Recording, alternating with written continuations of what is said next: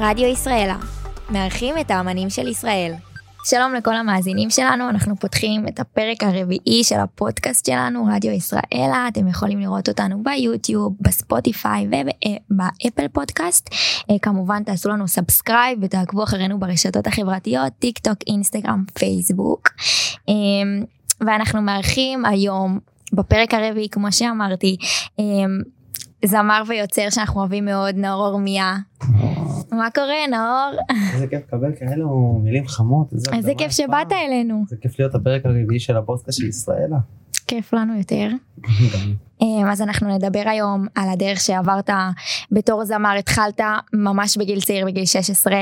אמ, אנחנו נדבר על הקשיים שעברת במסע המוזיקלי הזה אה, ובקריירה וגם לאן נעלמת לנו. אז ככה נתחיל מההתחלה. באמת אה, כמו שאמרתי התפרסמת בגיל נורא צעיר בגיל 16 אמ, וזה לא משהו שהוא אה, פשוט יש עדיין תמימות עדיין לא מבינים את התככים ואת המזימות ואת כל ה, מה שהעולם הזה מביא איתו. אמ, אז איך זה היה להתפרסם בגיל כל כך צעיר אתה היית ממש ילד. אז, אז קודם כל אה, כמו שאמרת יש אתה לא מבין את המאחורי הקלעים של העולם אבל גם אתה עם פחות מודעות.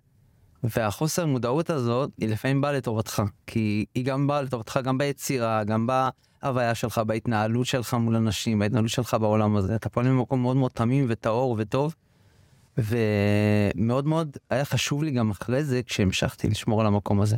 אז איך זה התפרסם בגיל 16? זה משוגע. זה משוגע, זה מרגש, זה מאוד מבלבל גם, אבל זה... פשוט הרבה הרבה דברים קורים לך מול העיניים, ושאתה מבין שאתה המרכז של הדבר הזה, זה... כולם מתעסקים בך, רוצים את ההצלחה שלך. כן, ואתה מתעסק בכולם, ורוצה שכולם גם מסביבך... יהיו מרוצים. מה... כן, אתה רוצה לרצות מישהו, כן. אתה רוצה שכולם יהיו... יגידו לך ויגידו, אוקיי, הוא, הוא עושה את זה טוב, וכולם יהיו גאים, ולא לאכזב אף אחד, וה... וזה... זה, זה גלגל שאתה... זה אף פעם לא נגמר. זה אף פעם לא כן. נגמר. ואיך הסביבה, איך ההורים קיבלו את זה, זה היה משהו שהוא... בוא, אני חושבת שאם אני הייתי מתפרסמת בגיל 16, אמא שלי הייתה בחרדות, לא ישנה בלילה, כל לילה. אמ, דואגת לכל מה שקורה מסביב, אז אה, איך ככה הסביבה קיבלה את זה? קודם כל הייתי, בגיל 16 הייתי ילד אה, די עצמאי. די כאילו אני יודע מה הוא רוצה, יודע, זה כזה ש... ילד שמרגיש, אני אומר במרכאות שאי אפשר לערבב אותו, שאי אפשר זה. אז אה, אימא שלי מאוד מאוד צמחה עליי, אימא שלי גם באה מעולם של מוזיקה, הייתה זמרת. אה, תמיד הייתי שר, תמיד הייתי ילד של טקסים, תמיד חלמתי להגיע למקום הזה. אה, לא ידעתי איך אני מנתב את עצמי בעולמות האלו של המוזיקה, וזה דבר שמאוד מאוד הוריד לי את, ה... את הווייבים, כי מאוד מאוד רציתי להיות שם, חלמתי להיות שם, והאמנתי שאני יכול להיות חלק מהמקום הזה, אבל לא ידעתי איך. להגיע לשם, אז... אה, אז כאילו, כן יש את הדאגה של ההורים, אבל uh, בסופו של דבר כשאומרים שהילד שלך מגשים את עצמו בצורה כלשהי, הם, הם נותנים לך את הדחיפה, המשפחה, החברים. אז uh, באמת uh, בגיל נורא צעיר, גם כתבת והלחנת. Uh, עכשיו, מי שלא יודע, בתקופה שנאור התפרסם, זה לא היה כזה מקובל שזמרים אה, כותבים ומלחינים לעצמם את השירים. אה, אני מאמינה שהיו כאלה, אבל לא כמו היום. היום זה משהו שהוא יותר פופולרי, היום אה, יותר נהוג שהאמן והזמר לוקח חלק בכתיבה, והוא שותף, והוא כזה מביא את ה... את ה נקרא לזה פאנצ'ים, את הפאנצ'ים שלו, כאילו בשביל, אה, כי הוא יודע מה הקהל שלו אוהב. אה, ופעם זה לא היה ככה, פעם זה בכלל לא היה מקובל, ואתה היית מהחלוצים שעשו את זה. אמ, אז ככה יפה, תספר לנו על הכתיבה, על ההלחנה. אה, תמיד אהבתי לכתוב. תמיד אהבתי לכתוב, הייתי כותב למגירה הרבה, אה, הייתי אה, נהנה מזה, היה לי חבר בשם אברה נייכלר שגם כתב איתי שיר שקוראים לו מה היה קורה, שמאוד אהבנו לכתוב, מאוד אהבנו את החריזה, מאוד אהבנו להביע את עצמנו במילים, זה היה קטע. כשנכנסתי למוזיקה, מי ש... היו כותבים מלחינה, אבל לא נתנו לזה דגש.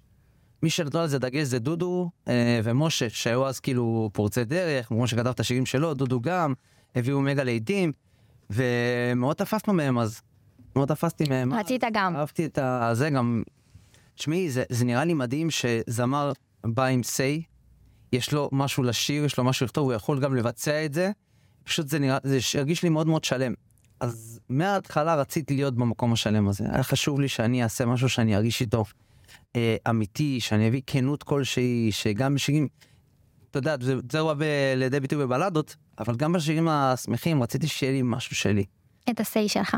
וכמו שאמרתי, את הפאנצ'ים של, ה, של האומן. אז באמת, אני, אני רואה היום אומנים אה, זה שאומרים לי את המשפט הזה, זה משפט כאילו, זה מביך אותי, אבל זה מרגש אותי, כי אומרים לי, גדלנו עליך, וזה... וזה אני גם גדלתי עליך. אז, אז, תודה. אבל, אבל כאילו זה משוגע, שעכשיו כולם כותבים מלחינים וכולם זה, ואני רואה את ההתעוררות היפה הזאת. אני חושבת שזה גם הרבה יותר מוערך. לשמוע את האמן כאילו אה, שר את הדברים שהוא עבד עליהם.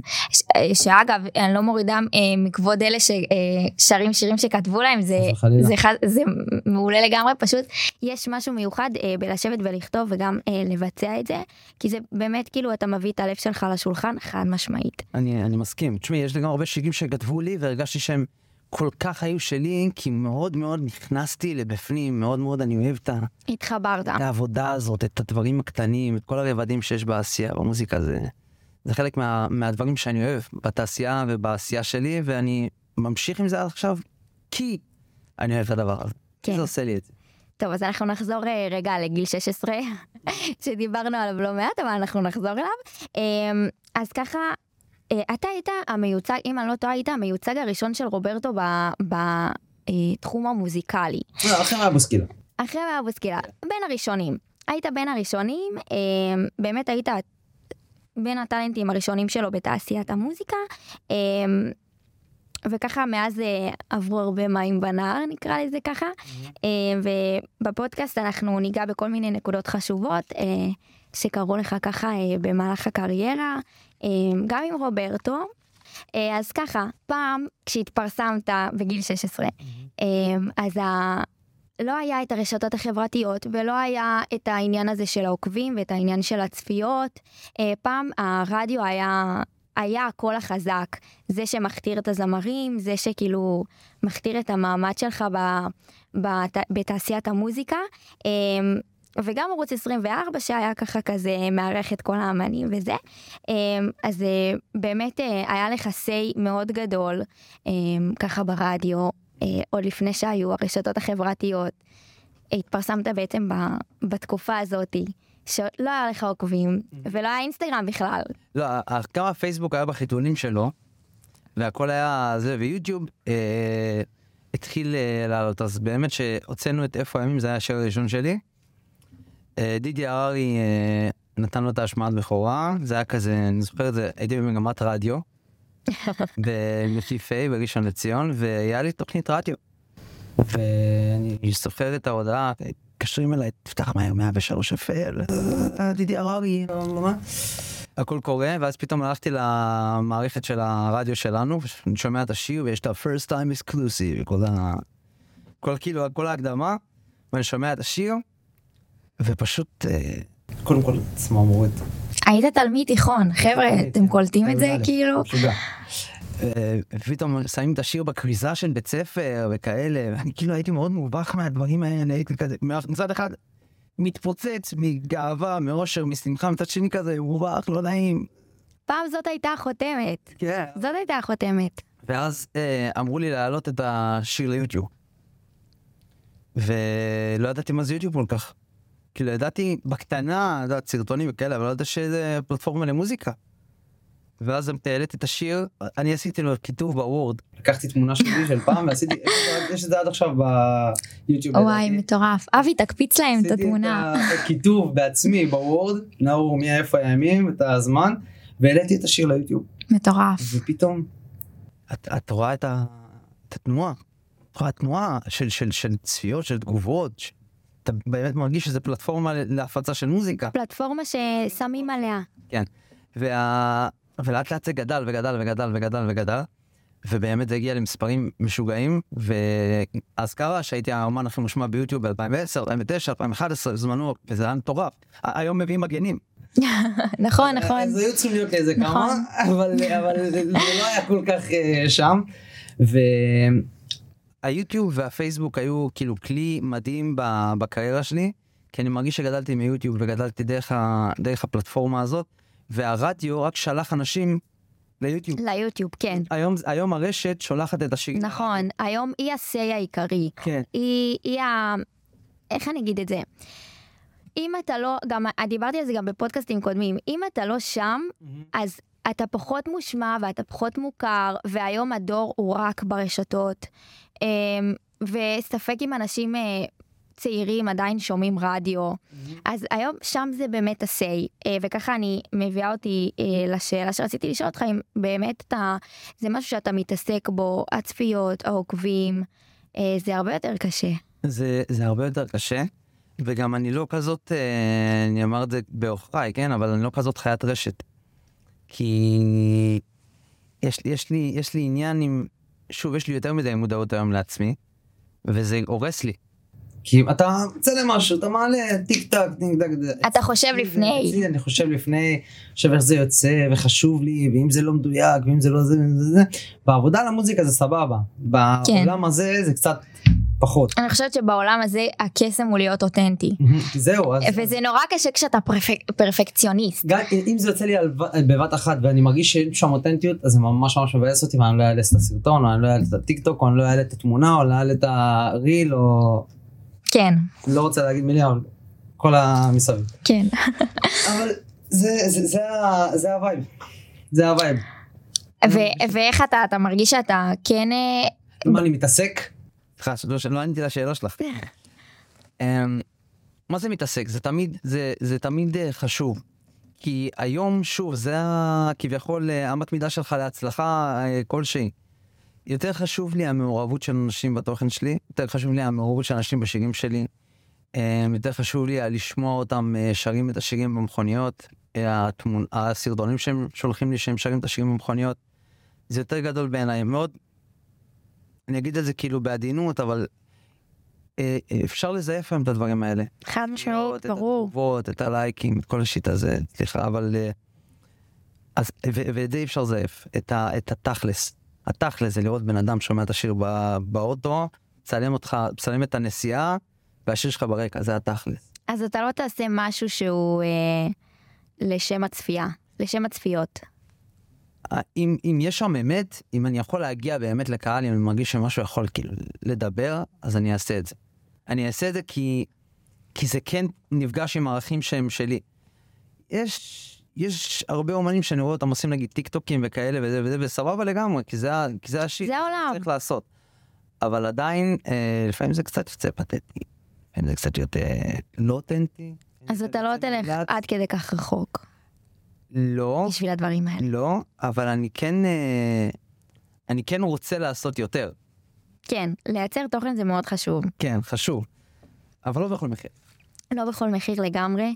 אמ, אז ככה מקודם דיברנו על אה, תחילת הקריירה שלך ושהתפרסמת באמת בגיל צעיר ושהרדיו הפלטפורמה החזקה וערוץ 24 ויוטיוב כמובן, איך לא יוטיוב. ואז אתה מתגייס, אתה מתגייס ובוא לא נשכח נאור אורמיה עם השיער, ג'סטין ביבר הישראלי, יש את השיער.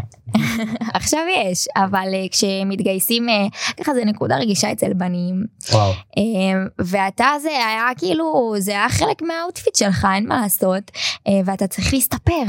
מה. עושים? אז בוא נספר, רגע, לא רק שאני צריך להסתפר. גם הייתי צריך לעשות את זה עם שבע מצלמות עליי, אוי. אה, שמלוות אותי בכל התהליך של הזה, באו לקחת אותי בבוקר. עכשיו, תחשבי על זה, כאילו, אני עכשיו מתגייס, פעם ראשונה בחיים שלי שדבר כזה קורה, כי כולם עושים את זה פעם אחת, אלא אם כן מישהו מחליט, אם כבר הסכמנו מים בוסקי לעשות את זה בגיל 30. אה, ואני... שוב, אתה רוצה להכיל את החוויה בעצמך, זה חוויה שלך. זו חוויה מאוד קשה ברור בלי קשר לתספורת. לגשת, הכל ביחד, זה חוויה שהיא אבן דרך בחיים של כל בן אדם אה, שמתגייס, ופתאום, אתה הולך לספר וגם להוריד את השיער בשביל יישוב זה היה משהו זה היה אישיו מאוד כמו שמשון הגיבור שהורידו לו את השיער. אה, כן, כן, אה, זה, אבל אה, וזה, זה פשוט קורה עם מצלמות של אה, גיא פינס וחדשות הבידור ועוד אתרי רשת וחריף בזמנו היה והכל וכולם מצלמים אותך עובר את התהליך הזה וזה ואתה משחק את המשחק אתה בתוך ה... מה זה משחק את המשחק? אתה, פשוט, בכל זאת אתה מצולם. אתה מצולם אז, אז אתה לא משחק אבל אתה פשוט מנסה, מנסה להישאר כאילו איכשהו ייצוגי למרות שאתה עובר הרבה הרבה דברים בפנים. בפנים והבקו"ם והכל כל הפרידה הכל היה מאוד uh, פומבי כזה. אז כן, זה, זה דווקא הצבא הייתה לי חוויה מדהימה. וואו, איזה כיף. טירונות, טירונות נהניתי ברמות. אני זוכר שהלכתי בתל השומר, בשרשרת חיול בהתחלה והכל. כל התקופה הזאת הייתה מיוחדת בטירונות, שלחו אותי לעובדה, זה ליד אילת, זה 100 קילומטר מאילת, בסיס אה, בדרום הארץ, ממש בחור כביכול. כל חולות, ואהבתי כל רגע. כן? כל רגע נהניתי, אהבתי את האנשים, אהבתי את הביחד, אהבתי את, ה, את, ה, את הניקיונות. אני זוכר שהיה לי סיטואציה שאני מנקה, כאילו אני הייתי צריך לטאטא את כל המדשאה שם וכולי, סתם, זה, אני מטאטא והכל, ואני שר לעצמי, עכשיו אני לא, לא שם לב לזה, ופתאום אני מרים את העיניים, אני רואה כאילו, וואי, איזה זה- זה- יופי. זה היה רגע, אז כאילו, פתאום זה מזכיר לך מי אתה, ופתאום זה מוציא אותך משם. אתה הולך לקו הקשב, אתה שומע את המפקדים שומעים את השירים שלך בתוך ה... וואי, מטורף. מפקדה, ואז אתה אומר, אוקיי, ואז פתאום רואים אותך, אומרים, כן, חייל, פתאום הכל משתנה, כן. אתה זה, זה היה מעניין. מרגע לרגע, פעם אחת אתה כוכב, פעם אחת אתה חייל, פעם גם לא היה את כל הקטע הזה של אה, אה, לבוא לקראת האמנים, הטאלנטים, דוגמניות וכו' וכו'. כן. אז אה, אני מאמינה שזה היה כזה אינטנסיבי. לא היה רשמי, אבל כן. תמונות נגיד, לא, לא, לא היה הנחות, חוץ מפעם אחת שניסו לצלם אותי בזה, במצב כאילו אינטימי כביכול, ומקלחות או משהו וזה, ואז אה, אחד המפקדים אמר לי, אוקיי, יש לך... חצי שעה ששעתה של ללכת להתקלח כן. לבד ולחזור. היום יש לזה הרבה יותר אה, הבנה. מביאים כן. אה, חדר ומקחת לבד, נועה קירל ועדי ביטי, הסתדרתן. כי מכיר- כי מכירים בכוח של האומן לצה"ל, צה"ל גם צריך את השיווק, צה"ל גם צריך את ה... נכון. זה עם כל הכבוד לזה, כי שוב, זה, זה מושך, זה מראה שגם אומנים שבאים ועושים את הצבא, משרתים ונותנים את החלק שלהם, זה מאוד מאוד מאוד חשוב, וגם להם לגמרי. חשוב לעשות את זה, גם בדרכים שהן יותר אה, אה, קיצוניות מלבוא ולהראות את הפרצוף שלי בבסיס וללכת הביתה, ממש לא, אה, ואני שמח שעשיתי את זה. שמח שגם לקחתי חלק כזה יותר נרחב. בדבר. ממש אה, זה מעודד לשמוע. אמ, אז ככה נחזור לקריירה המוזיקלית, התגייסת, אמ, ואין מה לעשות, אמ, בצבא, אה, כמו בצבא יש מחויבויות, אמ, וזה מגביל אותך מבחינה מוזיקלית, אמ, אז ככה הקריירה טיפה הייתה בירידה, ופתאום רוברטו מבין שהוא לא יכול להסתמך רק על אה, מספר אה, מסוים של אמנים, שאתה גם בצבא, הוא מתחיל להכניס אליו אה, עוד ועוד אה, זמרים ומחתים וככה מגדיל את, ה, את הקבוצה שלו אה, ואתה כזה לא רוצה להגיד נשאר מאחור אבל כן הקריירה הייתה באיזושהי אה, סוג של ירידה. אה, אני הייתי מופיע בלילה, הייתי מופיע במועדונים, הייתי מופיע אה, המון הופעות בחודש, זה מגיע, היה מגיע למספרים של 60-70 הופעות בחודש, זה המון, לפעמים שלוש הופעות בערב, ארבע הופעות בערב. אה, הגלגל הזה, אה, הוא, הוא רץ. כשנכנסתי לצבא, כמובן בטירונות, גם בטירונות יצאתי להופיע, וחזרתי לבסיס.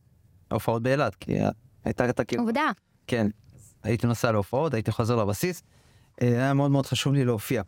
אבל, אבל, אבל, אבל, ויש אבל גדול, אה, אני גם ב, ב, בשירות שלי יכולתי להופיע. יכולתי להופיע והצבא הכיר בזה שאני צריך להופיע וזה העבודה שלי וזה הפרנסה שלי וזה הדבר שאני מתפרנס ממנו ואני חי ממנו. אה, אבל אה, הוא לקח את שרית אביטן בזמנו ולקח עוד להקה ואני מאוד מאוד היה חשוב לי של רוברטו. היה חשוב לי שרוברטו יצליח, אה, רוברטו ואני היינו בקשרים מאוד הדוקים, מאוד אוהבים, מאוד חמים, אה, סטייל של אבא ובן. ההצלחה שלו הייתה חשובה לי מאוד, לפעמים יותר מההצלחה שלי של עצמי, וזה זה לא, זה לא נאיביות ולא תמימות, זה פשוט הערכים שגדלתי עליהם, שאם בן אדם, אה, הוא נמצא איתך ואתה אוהב אותו, אז אתה רוצה בהצלחה שלו. התהליך של, אה, של הצבא, הצבא זה לא מה שעצר את ההופעות. ההתעסקות בי, את הס- ש- שבכתה, זה מה שעצר את ההופעות. כן. נגעתי בנקודה הזאת שהוא כאילו אה, הרחיב את. ה, הרחיב את החתומים שלו. כן, אבל זה לא, זה לא בגלל זה, הוא, אה, הוא זה פשוט יש, יש כל מיני סוגי הופעות שאתה יכול לעשות. וההתעסקות בי היא פחתה. כן. כי דרשתי הרבה תשומת לב, כי כבר הקריירה הייתה במקום שהיא מתקדמת, כי פתאום יצא לא מוצא את עצמי ולצאו שירים שהם אה, יותר עוצ, אה, עוצמתיים, ואז פתאום לאט לאט המרווחים בין השירים מתארחים, שזה דבר שקשה לעשות ואסור לעשות בקריירה של זמר. שימי לב אם את רואה את הקריירה של אומנים היום, אומנים מוציאים שירים כל חודש, חודשיים. גג. כן. אם את רואה את המרווחים, פתאום המרווחים אה, מתרווחים. ופתאום הקהל מתחיל אה, לאבד. לאבד אמון בך כי אתה ואני הייתי כל הזמן מקליט וכל הזמן עושה מוזיקה מוזיק אה, את יכולה לראות את ה... זה כל הזמן הייתי מייצר מייצר מייצר נכון. מייצר גם היית שמה אותי באולפן הייתי עושה השירים שהוצאת היו להיט אחר להיט אחר להיט. אז אז ו- והייתי פשוט ממשיך ממשיך כל הכוח, בצבא כותב, הולך לסשן בלילה, קם בזה, זה הולך להופעה בזה, קם ב- בשמונה, הולך לבסיס, תמיד מייצר, תמיד עושה מוזיקה, תמיד חי מהדבר הזה שנקרא מוזיקה, זה מה שמלבה אותי, זה מה שמרים אותי, זה מה שנותן לי, מתווה לי את הדרך. אבל uh, בסופו של דבר, uh, אתה רוצה להתפתח, וכשהמנהלים שלך לא רואים אותך עין בעין בצורה הזאת, uh, זה מאוד מאוד קשה. כן, יש קצר. אתה רוצה לגדול, אתה רוצה לעשות דברים יותר מדהים, אתה רוצה להגיע יותר רחוק, אתה רוצה אה, לפרוץ יותר, אתה רוצה לעשות עוד מוזיקה, אתה רוצה להגיע לעוד קהלים, אתה רוצה להגיע לעוד אה, ג'אנרים, אתה רוצה להתחיל לבנות את עצמך עוד יותר. שם זה היה. כן. אז אה, לפני חודש אה, בערך התראיינת אה, לכתבה בידיעות אחרונות, כתבה של ליאור אוחנה, אה, וסיפרת שם על הנפילה, על התקופה הקשה, נגעת שם אה, גם ב, בסכסוך שהיה לך עם, רובר, עם רוברטו, וגם ככה בדברים שנוגעים לאימא שלך. אז ככה תספר לנו קצת. נתחיל עם הסכסוך עם רוברטו. הסכסוך עם רוברטו זה הסכסוך בין מנהל למיוצג, על כל הדברים ש... שיש בין מנהל למיוצג. נלחמתי על מה שמגיע לי, נלחמתי על, ה... על האמת. אה, זה נסגר בזה שקיבלתי מה שמגיע לי. שסגרנו את זה בפשרה כלשהי, ואנחנו עכשיו בטוב. אה, יש קטע לאומנים שמרוב שהם רוצים להתעסק במוזיקה, ו... ו... ואצלי זה היה מאוד מאוד כזה. המוזיקה הצילה אותי כל כך הרבה מקומות בחיים שלי, שהרגשתי שאם אני לא נותן לה את המקום הראוי לה אצלי, אני בעצם לא מכבד אותה. זאת אומרת, אז, אז מוזיקה היא תמיד מה שהוביל אותי. וברגע שאתה מתעסק יותר מדי בזה, וזה קורה להרבה אומנים בכל העולם, אז אתה מאבד פוקוס בדברים אחרים. דברים שהם קצת יותר אה, חומריים, אבל דברים שהם חשובים. במיוחד בעולם שלהם. ואתה לא מתעסק בזה. כשאתה לא מתעסק בזה, אפשר לערבב אותך. אז אה, אתה לא מתעסק בזה. אתה מתעסק במוזיקה, אתה רוצה לעשות מוזיקה, אתה רוצה להיות כל היום באולפן. תני לי להיות 24/7 באולפן, טוב לי. טוב, 24/6. שבת לא עובדים, אבל כזה. ו... ו... ופשוט נלחמתי על זה, טבעתי, טבעתי, טבעתי אותו, הוא טבע אותי,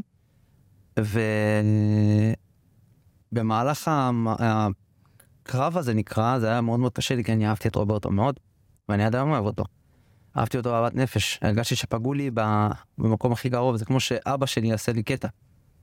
אה, כלשהו. אה, הרגשתי שכאילו זה, אני רב עם אבא שלי. זה קשה מה שאתה אומר. וואו, מאוד. מאוד. לקחתי את זה מאוד מאוד קשה, מאוד מאוד רגשי. לא הסתכלתי על זה כאילו המייצג שלי, הסתכלתי על זה הרבה מעבר. היה חשוב לי שנהיה בטוב. ואז כאילו שאתה נכנס למלחמה עם בן אדם שהוא כל כך קרוב אליך והוא כל כך חלק ממך, זה, זה היה לי מאוד קשה. זה הרבה יותר קשה ופוגע כשאתה עושה את זה מול בן אדם שאתה אוהב. מאוד. ברור. מאוד. כל דבר קשה. וכל מילה שנאמרת ב, ב, בבית משפט, קשה. כל מילה שנאמרת במפגשים בין עורכי הדין, היא קשה. כי אתה לוקח, לקחת את רוברטו מאוד מאוד מאוד קשה ללב, כל דבר שהוא עשה, מכל דבר שזה, כי היינו אחד מהחלק של השני, הרי רוברטו לקח אותי כשהוא היה במצב לא מדהים, בלשון המעטה. ואני הייתי אנונימי. אני הייתי ילד עם חלום, והוא היה בן אדם שעם חלום לעשות אה, עוד אה, אומן גדול, ו, ופשוט החלומות האלה נפגשו ויצרו משהו, יצרו משהו יפה ומבורך, ברוך השם. אז, אז בגלל שגדלנו צעד אחרי צעד, לאט לאט ביחד, יד ב... אז לעזוב את היד הזאת ופשוט להפנות לי גב, היה לי, היה לי קשה לקבל את זה. ואז במלחמה הזאת כבר קרו דברים אישיים יותר, שזה סבתא של זיכרונה לברכה שנפטרה, שהיא באמת הייתה עולם ומלואו בשבילי, היא גידלה אותי, היא הייתה האור שלי, ואז אה, אבא שלי קיבל אירוע מוחי קשה. וואו, איזו תקופה קשה. ו- והכל קורה זה כבר אחרי שאני נפרד מרוברטו. אוקיי זה כבר אחרי שכבר אני אני בתביעה איתו אני אומר לו שומע בוא נסגור את הדברים כאילו מגדל הקלפים כן. מתפרק זה אחר כזה. זה. אז אחרי שאני אומר לו בוא נסגור את הקלפים וזה לא קורה, בוא, בוא, בוא נסגור את הדברים, בוא כל אחד ייקח מה שהוא צריך ושלום על ישראל, זה לא קרה. ואז נכנסנו לתביעות, ואז פתאום זה, ואז פתאום זה, ואז אמרתי, די, אני כבר לא רוצה להילחם את המלחמה הזאת, אין לי כוחות נפשיים להילחם את הדברים הכל כך לא חשובים האלה, שהם מאוד מאוד חשובים, אבל ברגע שדברים כאלה קורים. יקרים ללב שלך, אתה כבר לא מתעסק בתביעות כבר- אז כבר מה זה ובשטויות. כסף ומה זה חוזים ומה זה... זה אתה... אתה... הוא ידע כל הזמן הזה על על מה שאתה עובר, על המשפחה. כן. הוא, הוא ידע, אה, על אמא שלי הוא לא ידע לגמרי, הוא ידע שיש משהו, לא, גם לא, לא כל כך הסתרתי את זה, אבל לא, לא הלכתי עם זה בשלטי הפרצות ואמרתי, כן. זה מה שקורה לי בבית, זה מה שזה. נתתי למוזיקה להיות עוגן כל כך משמעותי בשבילי, ומבחינתי רוברטו היה הסימון של העוגן הזה. ואז כשאתה מאבד עוגן, אתה מתחיל להיסחף. כל זה, ואז סבתא ואבא והמשפט והכל כאילו מאוד מאוד קשה לי, ואני בן אדם שלוקח דברים מאוד מאוד קשה. אז אה, זאת הייתה התוצאה. זה בעצם הייתה הסיבה אה, לאן נעלמת, לנפילה של הקריירה, אפשר להגיד. ברור. ברור, כי כשאני עזבתי את רוברט עדיין הייתי ב... עם שירים, עדיין הופעתי, עדיין אה, זה, ואז פתאום אתה לא יכול להופיע. אתה בחוזה, כל עוד אתה בתביעה משפטית עם, ה... עם... עם הסוכן שלך, זה סתם מידע שתדעו אומנים, אתה לא יכול להופיע, אתה לא יכול לעשות שום דבר עד שאתה לא יוצא מהחוזה. זאת אומרת, אני שנתיים הייתי מושבת.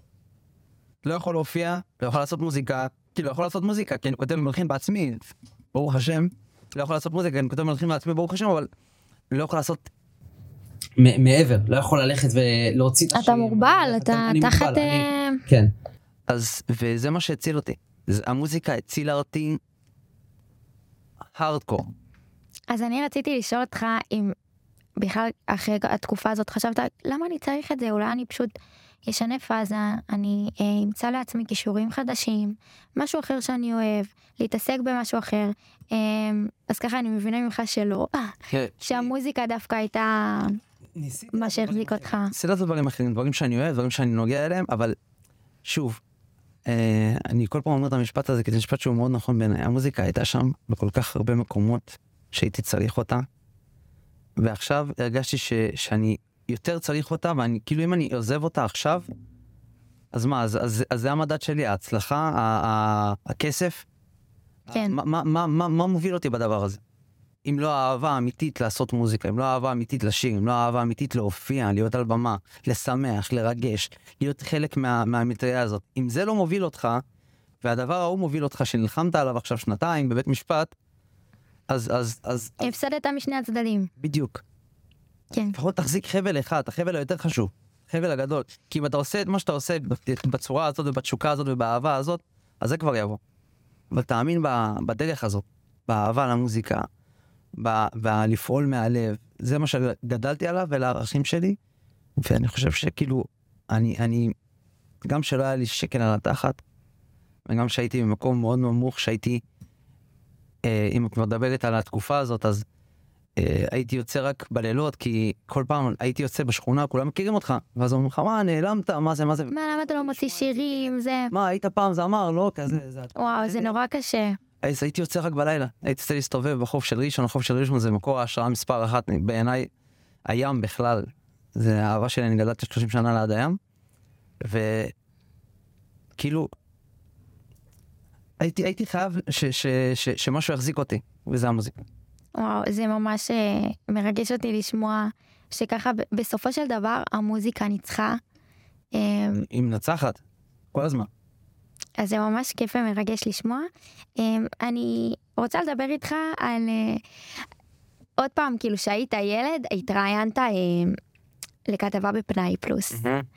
בכתבה הזאתי... ידוע לשמצה. ידועה לשמצה, בכתבה הזאת קרו כל מיני דברים שאני מניחה שבדיעבד אתה הרבה יותר חכם. אמ, אז ככה אה, אני רוצה שתספר אה, לצופים אה, מה היה שם, אתה, אתה הגעת לשם אה, עם אה, יחצן, אם אני לא טועה, שלא כל כך אה, ידעת עבודה, אה, אני אגיד לך מה, ושאבו משם כותרות שהתחרטת עליהן. אז אה, תספר לנו ככה מה היה שם. כשאתה מגיע לכתבה כזאת, יגיד לך כל אומן היום ב... במוזיקה, קודם כל זה מאוד מאוד מרגש. זה משהו גדול. להופיע בשער של פנס זה כבוד גדול, וזו אבן דרך בקריירה. לכל בן אדם אומן, שחקן, לא משנה, כל בן אדם ש... שמוכר ב... בעולם הזה. אמ, והגעתי לשם באמת עם אה, יחצן שהוא לא, הוא לא יחצן, הוא בן אדם שעבד, אה, שכרו אותו לעבוד איתנו, ופשוט ההנחיות שקיבלתי היו מזעזעות, מזעזעות. תהיה יותר כזה, ותעשה יותר זה, ותגיד ככה, וצריך כותרות. אני לא אגיד מה היה שם, כי אני לא... כי זה כבר עבר. זה היה שיעור בשבילי, למדתי מזה המון. למדתי יותר מה לא לעשות, והדבר שלמדתי כן לעשות זה אף פעם, ואני אומר את זה בכוונה למצלמה, אף פעם, אף פעם, אף פעם, אם אתם אומנים, ואתם מאמינים בדרך שלכם ובמי שאתם, תאמינו במי שאתם, ותאמינו בדרך שלכם, ואל תיתנו לאנשים לעצב אתכם בצורה של אה, להכניס לכם מילים לפה, לנסות להגיד לכם כאלה, לצאת כאלה. זה לא מגניב, זה לא נכון, ואתם uh, תכאבו אחרי זה שאתם תקראו את הדברים האלה, כי אני כאב לי, היה, זה לקח אותי למקומות לא, לא טובים בכלל. לא נהניתי, לא אהבתי את עצמי בכתבה הזאת, לא ידעתי מי, מי מדבר שם בכלל. Uh, וזה זה, זה לא, זה, זה פשוט לא, לא היה שם. גם היו לה השלכות. בסופו של דבר סיפרת שאתה אה, הולך ברחוב ככה ואתה רגיל לאהבה פרגון ואז פתאום, פתאום אתה מקבל ברקס. נכון. את- זה לא שאתה מקבל ברקס, אתה לא יודע איך מסתכלים עליך. כי לפני כן לא היה את הדברים האלה, לא היה זה. הייתי, הייתי אני. הייתי אני, ראו אותי ביום בחיי, ראו אותי זה, ראו אותי עם המשפחה שלי, ראו אותי... היום בחיי. שלך היה אחד החזקים, שתדעו. אני אני אוהב אז בתקופה. כי זה אני. שם זה אני, אתה רואה, אתה רואה משהו, אתה רואה, אני הולך לסבתא שלי, ואני הולך לזה, ואני עושה את הדברים שאני באמת עושה, עד היום דרך אגב. אה, היום זה סבתא שלי, אז היום זה אה, זיכרונה לברכה, אז היום אני הולך לסבא שלי, כל יום שישי עושה איתו קידוש, אני והוא, וזה, זה חלק מה... ופתאום מסתכלים עליך, ואתה לא יודע באיזה עין מסתכלים עליך. וסליחה, זה מתסבך. מאוד. זה מתסבך לגמרי. כי, כי אתה כל כך רוצה ש... לשמור על מי שאתה, ועל הדבר הזה, ואתה, וזה היה חשוב לי. הייתי אומר לעצמי, אתה, אוקיי, רואה איתך דברים, אתה מתחיל להיות מוכר, אתה עושה מוזיקה, גם אתה רגיל רק לאהבה. תזכור מאיפה זה בא, כן. ואז פתאום זה, זה מערער אותך. גורם לך, גורם לך לא להיות גאה בעצמך, גורם לכולם, לה- להרגיש שכולם לא גאים בך, גורם לך להתבייש. אמ, וזו לא הרגשה ש, שאני מאחל לאף אחד, במיוחד לא מול כל העולם, במיוחד לא ב- בחשיפה כזאת. ואת יודעת, לא לתת אמון ביתר על המידה. כן. תהיה נאמן לעצמך, זה האמון, המקסימום שאתה יכול לתת. לא כל מי שרוצה לקדם אותך יעשה את זה ב- בדרך טהורה וישרה. נכון. כן, לגמרי. אה, אז ככה בוא נדבר קצת על המשפחה. אה, אשתך קורל, אה, בת זוג שעברה איתך אה, באמת את התקופה הקשה הזאת. אה, אז מה, איך הכרתם? הכרתי את קורל בפייסבוק. יש אה, שוב ויכוח אה, מי התחיל עם מי. היא התחילה איתי. היא לא פה להגן על עצמה, זה לא פייר. אה, אוקיי, אוקיי, מאוד, כי אני אומר את האמת, את צריכה פשוט להכיר באמת. קורל, אני מקווה שאת מאזינה לזה, אני בצד שלך. אז וואי, זה היה נשמע לי כאילו כל הפודקאסט רציני כזה, מדברים. לא, יש גם fun, יש גם כיף. צריך להיות גם מקלילים, כן. הזכרתי אותו דרך הפייסבוק, היא הייתה חלק מהחבר'ה שלנו והכל.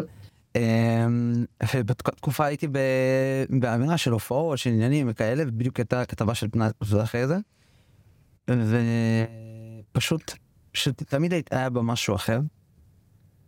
תמיד היה בה משהו אחר, ותמיד הערכתי את זה, ותמיד פחדתי לפגוע בה, אז תמיד כאילו אמרתי לה, לא, עזבי, זה לא... כאילו, ניסיתי להרחיק אותה ממני, כדי שהיא חס וחלילה לא...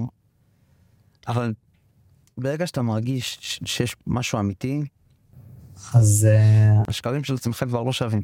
וכזה, כן. תלך עם זה. וככה זה, זה בעצם קרה, התחלנו לצאת, ו...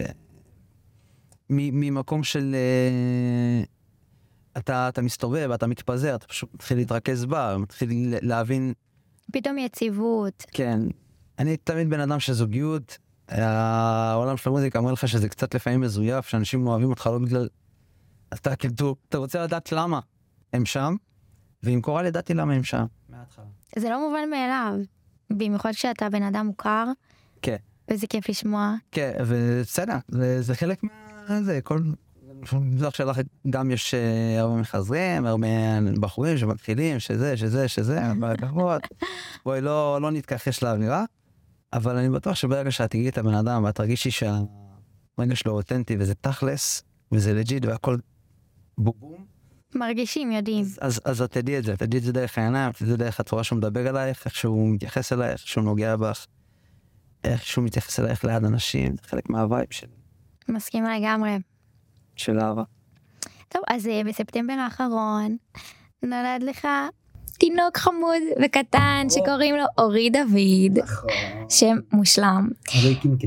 כן, אז אה, ככה זה אבן דרך משמעותית בחיים.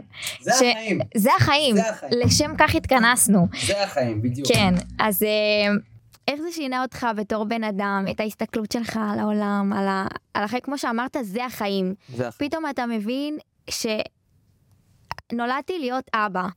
אתה... וואו, כשאתה מדברת איתי על אה, אורי, אז קצת זה, אבל אין מה לעשות. זה, זה משהו אחר. לא הרגשתי דבר כזה, לא הבנתי את הדבר הזה. אתה מסתכל עליו, הוא בן כמה שבועות, הוא בן חודש, אתה עדיין לא קולט שאתה אבא שלו, אתה עדיין לא קולט את זה. מה שזה כן גרם לי להיות, זה פשוט להסתער על הכל. פשוט להגיד, אוקיי, אני פה, הוא הבן שלי, ואני צריך להיות שם בשבילו, אני צריך להיות אבא שלו, אני צריך להגן עליו, אני צריך, צריך שיהיה לו חיים טובים, אני צריך שהוא ירגיש שיש לו אבא שעושה את מה שהוא צריך לעשות, ועומד על העקרונות שלו, ועומד על האמת שלו, הוא עושה מה שצריך, כדי שהוא גם יהפוך להיות בן אדם כזה, וזו ההרגשה שלי עכשיו. כל פעם שאני חושב על אורי דוד אני מתרגש, כי הוא באמת שם אותך במקום מצד אחד מאוד רך, כי אתה אבא, ויש שם אהבה שונה מכל מה שהכרתי, ורגשות שונים מכל מה שהכרתי. מצד שני, אני שם אותך במקום מאוד נוקשה של אני אבא. גם אני צריך לדאוג ל- לתא שלי. אני צריך לדאוג לאנשים שלי, והאנשים שלי זה אשתי, הבן שלי, זה לפני זה היה המשפחה שלי, עכשיו יש לי עוד משהו שהוא... גרעין רציני יותר. זה עוד עיגול משוגע. גרעין, יותר נכון. כן. וואי, זה מה זה כיף לי לשמוע אותך מדבר ככה באמת. זה משוגע. זה מרגש ממש. אני חושבת שאי אפשר להתכונן לזה. כאילו, כשזה קורה, אז אתה פשוט מבין שיש בך את היכולות שאתה לא יודע אפילו מאיפה הם באו. שותפים לאשתי, לא עברנו לידה לא, לא קלה, אה, ופשוט היא עשתה את זה כמו גיבורה, והיא באמת אה, אלופה, הביאה מתנה גדולה מאוד מאוד לעולם, ברוך השם. אלופה. כן. כל הכבוד לבייבי. אוהבים אותך קורל. אז אה, ככה בשנים אה, האחרונות, אה, כן, היה לך טפטופים כזה של סינגלים ושירים. אה, אפילו הוצאת איפי נכון, עם שלוש שירים. נכון. שיר אחד, שלושה שירים. איפי עם שלושה שירים. נכון. אמ, מה היה הציפיות שלך אה, בתור זמר שכן אה, נעלם מהרדאר, כזה פתאום אה, פחות, כמו שאמרת, מה, למה אתה לא מוציא שירים? אז פתאום אתה חוזר, אה, מנסה לחזור לתודעה, אה, ואתה מוציא שירים, אז מה, מה הציפיות, מה התחושות? קודם כל הציפיות שלי מהשירים זה שהם יהיו טובים. זאת אומרת שאני, שאני אשמע, שאני אשמע אותם ואני אגיד, אוקיי, נתתי פה עבודה, נתנו פה עבודה, אנשים שעבדו איתי על השירים, עשינו פה משהו טוב. אה, שיר זה מאמץ משותף, זה לא רק אני בא, מוציא שיר, מחכה, מסתכל, אומר, יאללה, שיקרה איתו משהו. יש פה מפיקים, יש פה קליפים שעשו, הכל היה ברמה מאוד מאוד מאוד גבוהה, כי הקפדתי על הכל לפרטי פרטים. מה הציפיות שלי? הציפיות שלי שאנשים ישמעו את השירים, כי הם שונים קצת ממה שעשיתי עד עכשיו.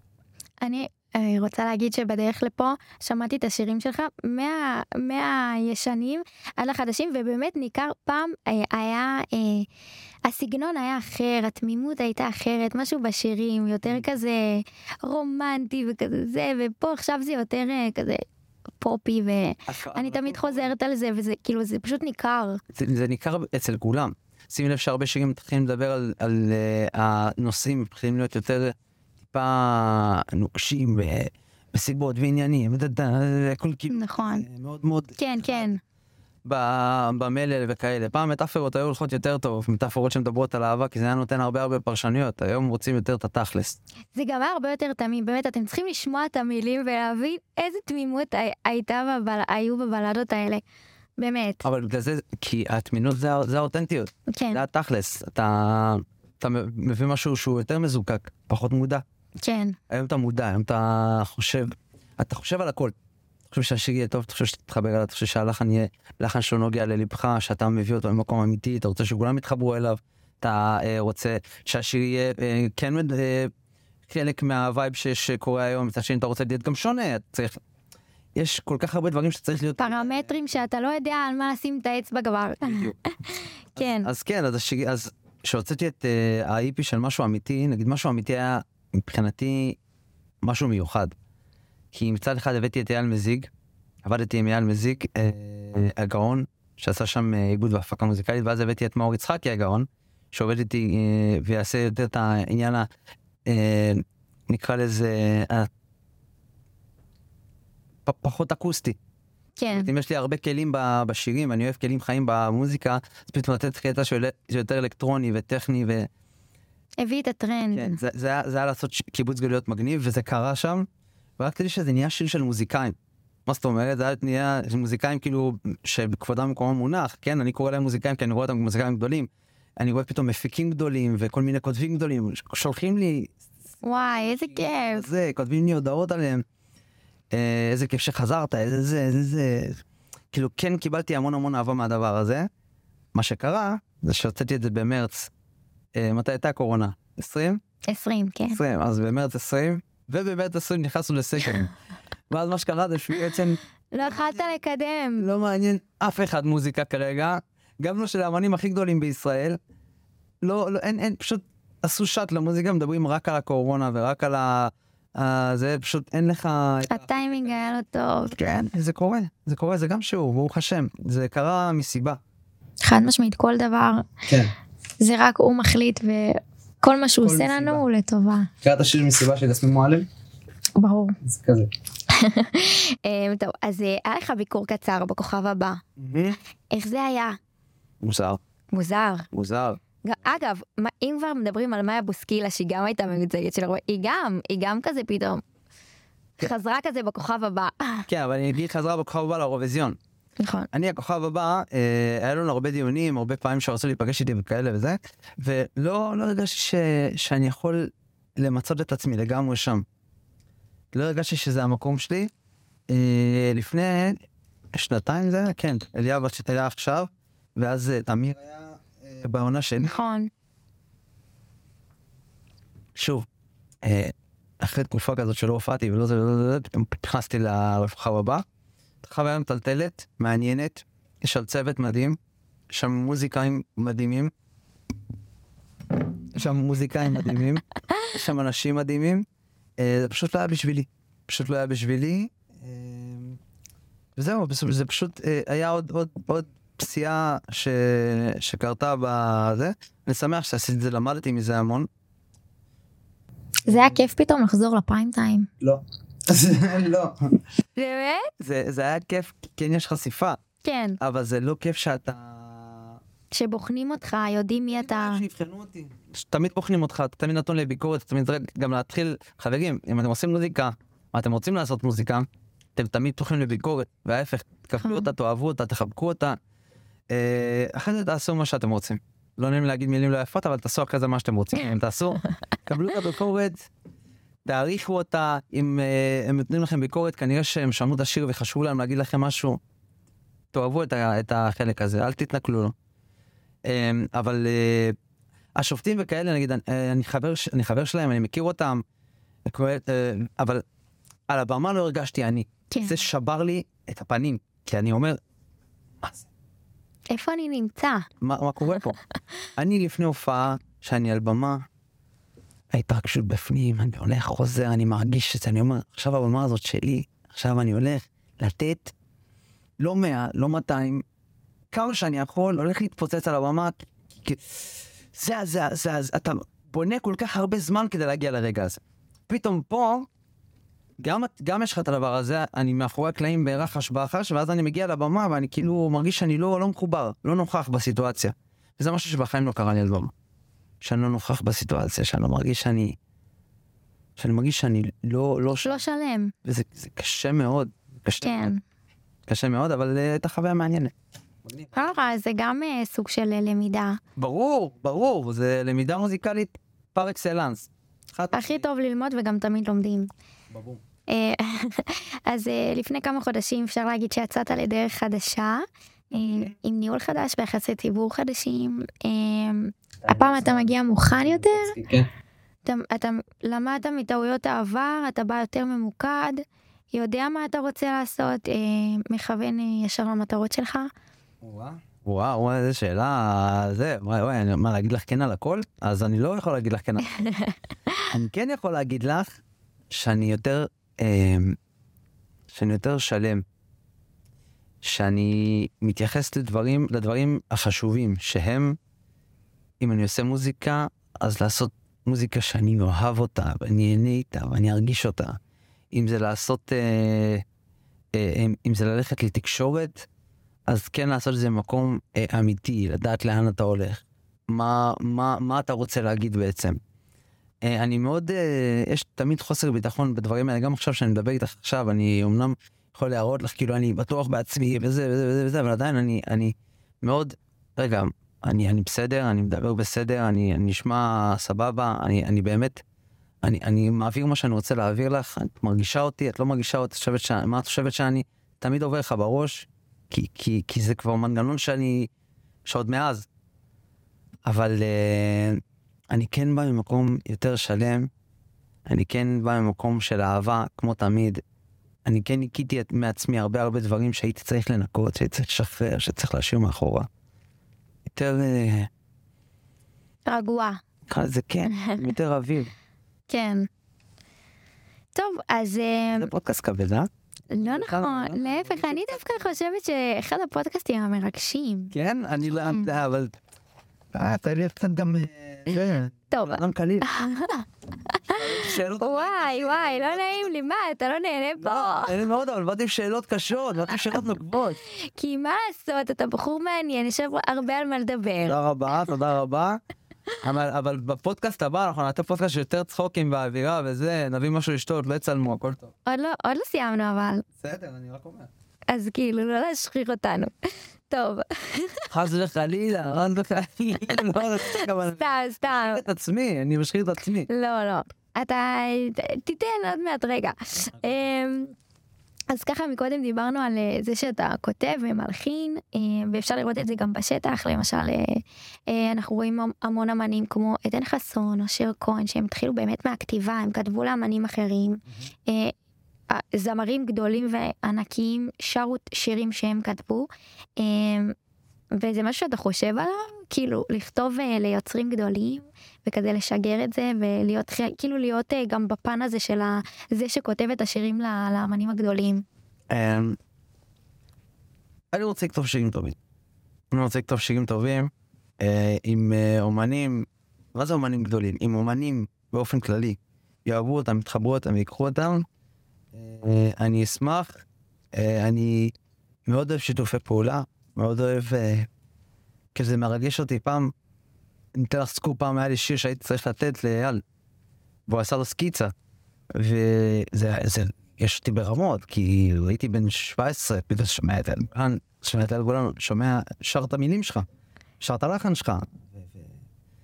וכן, זה רגע מאוד מאוד מרגש, כי פתאום אתה שומע פרספקטיבה אחרת לשיר. איזה שיר אתה יכול להגיד לנו?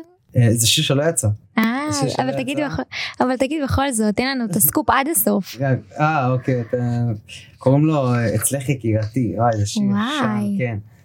שיר ישן, מההתחלה... אני רוצה לשמוע אחרי זה אם אפשר. אני אני לא יודע אם יש לי אותו. אבל שמעתי אותו, אני זוכר שנסעתי איתו באוטו שלו והוא השמיע לי את השיר, וזה, התרגשתי ממש. אה, כי פתאום, כן, אתה מקבל אה, גם נוטציה אחרת, אבל אה, אם זה יקרה זה דבר מאוד מאוד מרגש, כשזה יקרה. ושוב, המטרה שלי זה לכתוב שירים טובים ולעשות מוזיקה טובה. והבוטום ליין. מה נאור אורמיה מכין לנו לתקופה הקרובה?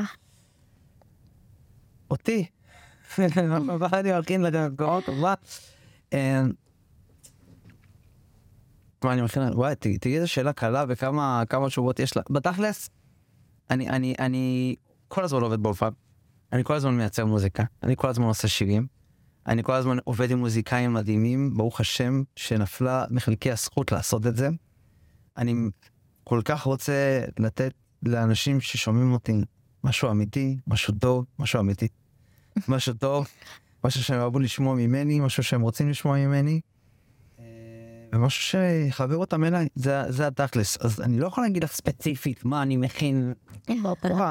להגיד לך שאני עובד על המון המון מוזיקה חדשה והמון אה, דברים מעניינים, כבר דבר שילופי פעולה, כתיבה לאחרים וזה. רגע עם השיתופי פעולה.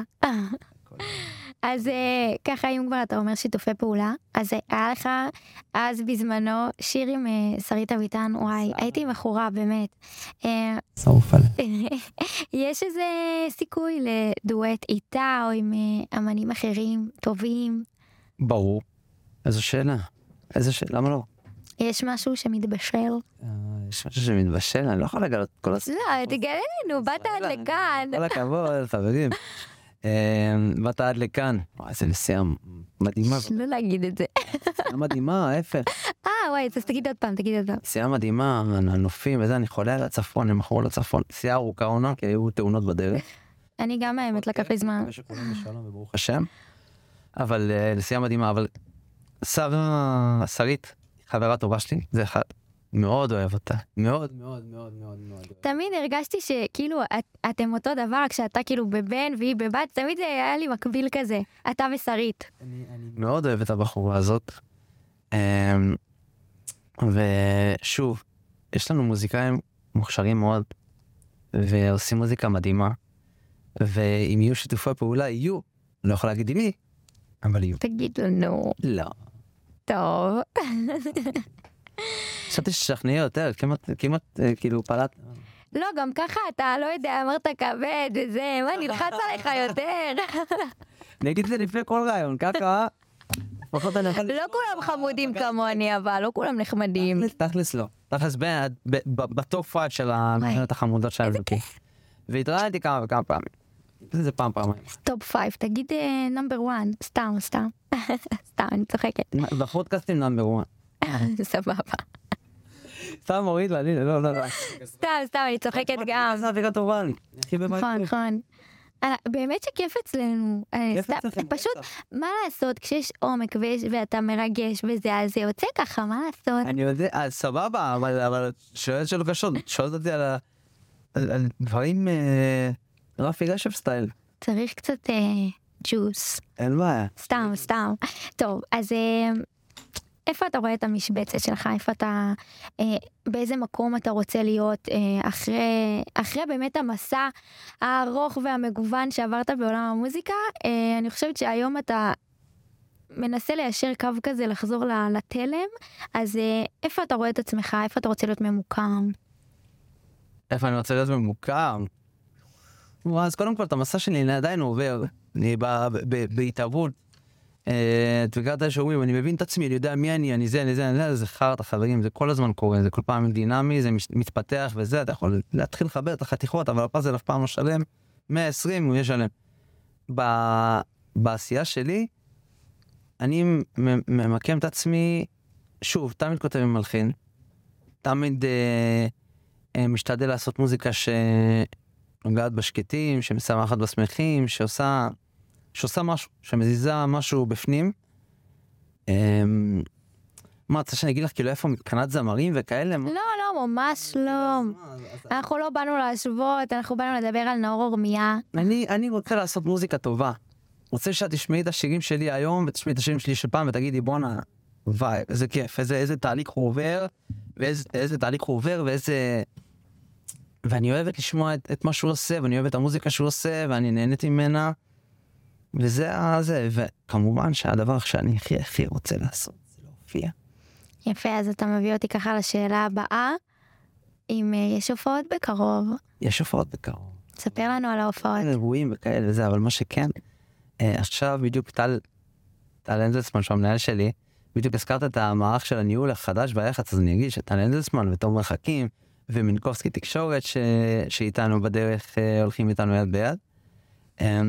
אז יש שבועות בזמן הקרוב, ואנחנו עובדים על מופע שהולך להיות כאילו כפתיחת קופות וכאלה, אני חושב שחיכיתי מספיק. אני מתרגשת בשבילך. זה אני, אני הכי מתרגש בעולם. הרבה זמן לא עשיתי את זה. ושוב, רק, רק, רק רוצה את, ה, את ה... את ה... לא יודע, יש... בהופעות יש כאילו איזשהו... מרוקאים קוראים לזה היבה. יש איזשהו רחש בחש מעל, משהו שצף, משהו קסום בעיניי. ואני מתגעגע לזה, ממש. יש תאריך? עדיין לא. אנחנו מחכים לראות אני- אני ולשמוע עובד- רק מתי. שהמופע יהיה גמור, כאילו אנחנו בדיוק מפיקים אותו, מאור יצחקי אה, עובד איתי, ועוד מפיקים מאוד מאוד מוכשרים, אנחנו על זה, לגמרי. מגניב, אנחנו סקרנים, אתם תהיו, מצפים. אתם תהיו, נשמה, מה אתה חושב שאתה רק תביא אותי לעמק- יזרעאל? אני אביא אתכם גם למרכז, חברים. תבואו, תיסעו את השעתיים וחצי. אתה רושם? אתה רושם? תצאו מוקדם, קחו בחשבון פקקים, קחו בחשבון עצירת קפה, כל הבלאגן. אל תדאג. טוב, אה, בא לי לשאול אותך ככה שאלה אה, לסוף של הפודקאסט שלנו. אה, תן טיפ לילד בן 16 שרוצה להתפרסם, אה, ככה משהו שהיית אומר לו לעשות בעקבות כל מה שחווית ולמדת, וגם אתה בתור יל- ילד בן 16 שהתפרסם, אז ככה תן טיפ למי שמתכנן. או.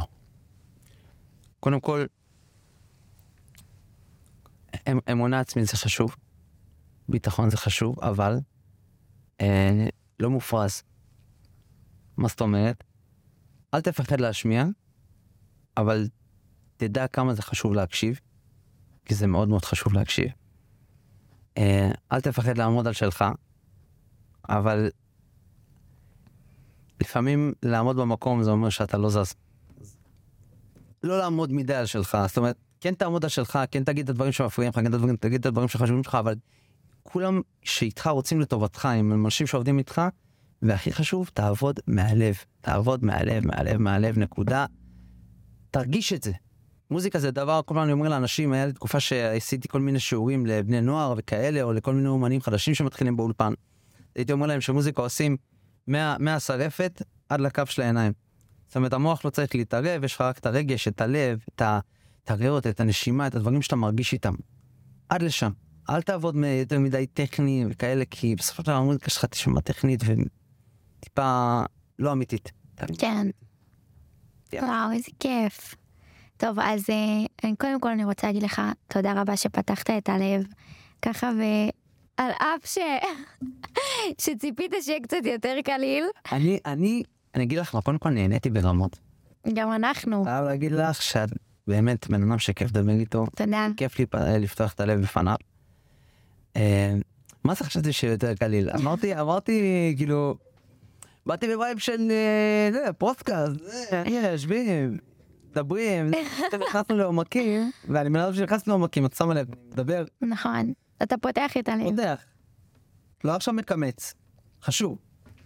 אני חושבת אה, שבאמת זה מבורך והיה מאוד מרגש לשמוע את כל מה שככה היה לך על הלב אה, וגם אני חושבת שזה די סקרן מה קרה לנאור אורמיה אני חושבת שנתת פה אה, תשובות מרגשות ויפות אה, ומעוררות השראה תודה.